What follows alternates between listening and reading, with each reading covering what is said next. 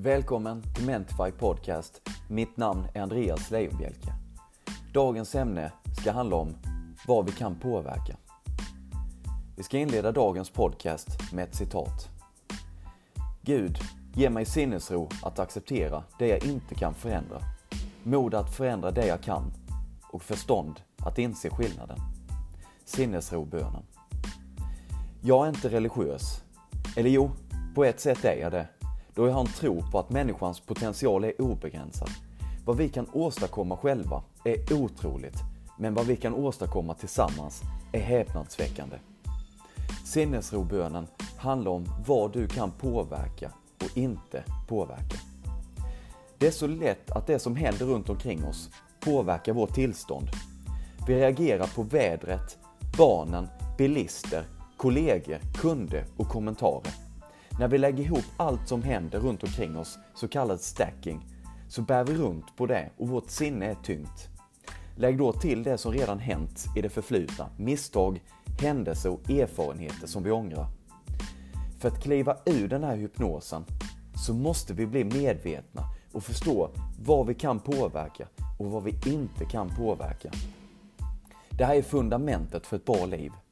När du inser på riktigt vad du inte kan kontrollera kan du eliminera 80% av det som påverkar dig negativt och fokusera på de 20% som faktiskt hjälper dig.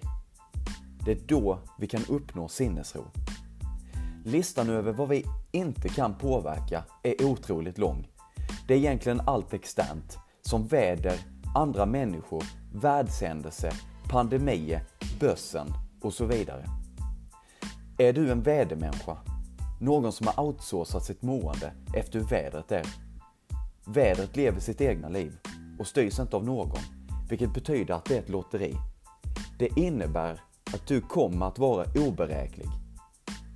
Det du kan påverka, det är dig själv. Dina tankar, handlingar, attityd, beteende och hur du reagerar på det som händer runt omkring dig. Vi människor har fått gåvan att kunna välja hur vi ska reagera på en händelse. Hundar kan inte det. Katter kan inte det. Inte ens apor kan det. Det är vi människor som är unika i det avseendet. Fokuserar du på de externa sakerna du inte kan påverka kommer du att vara som en marionettdocka som styrs av någon eller något annat. Det handlar om att fokusera på det vi faktiskt kan förändra och det är oss själva.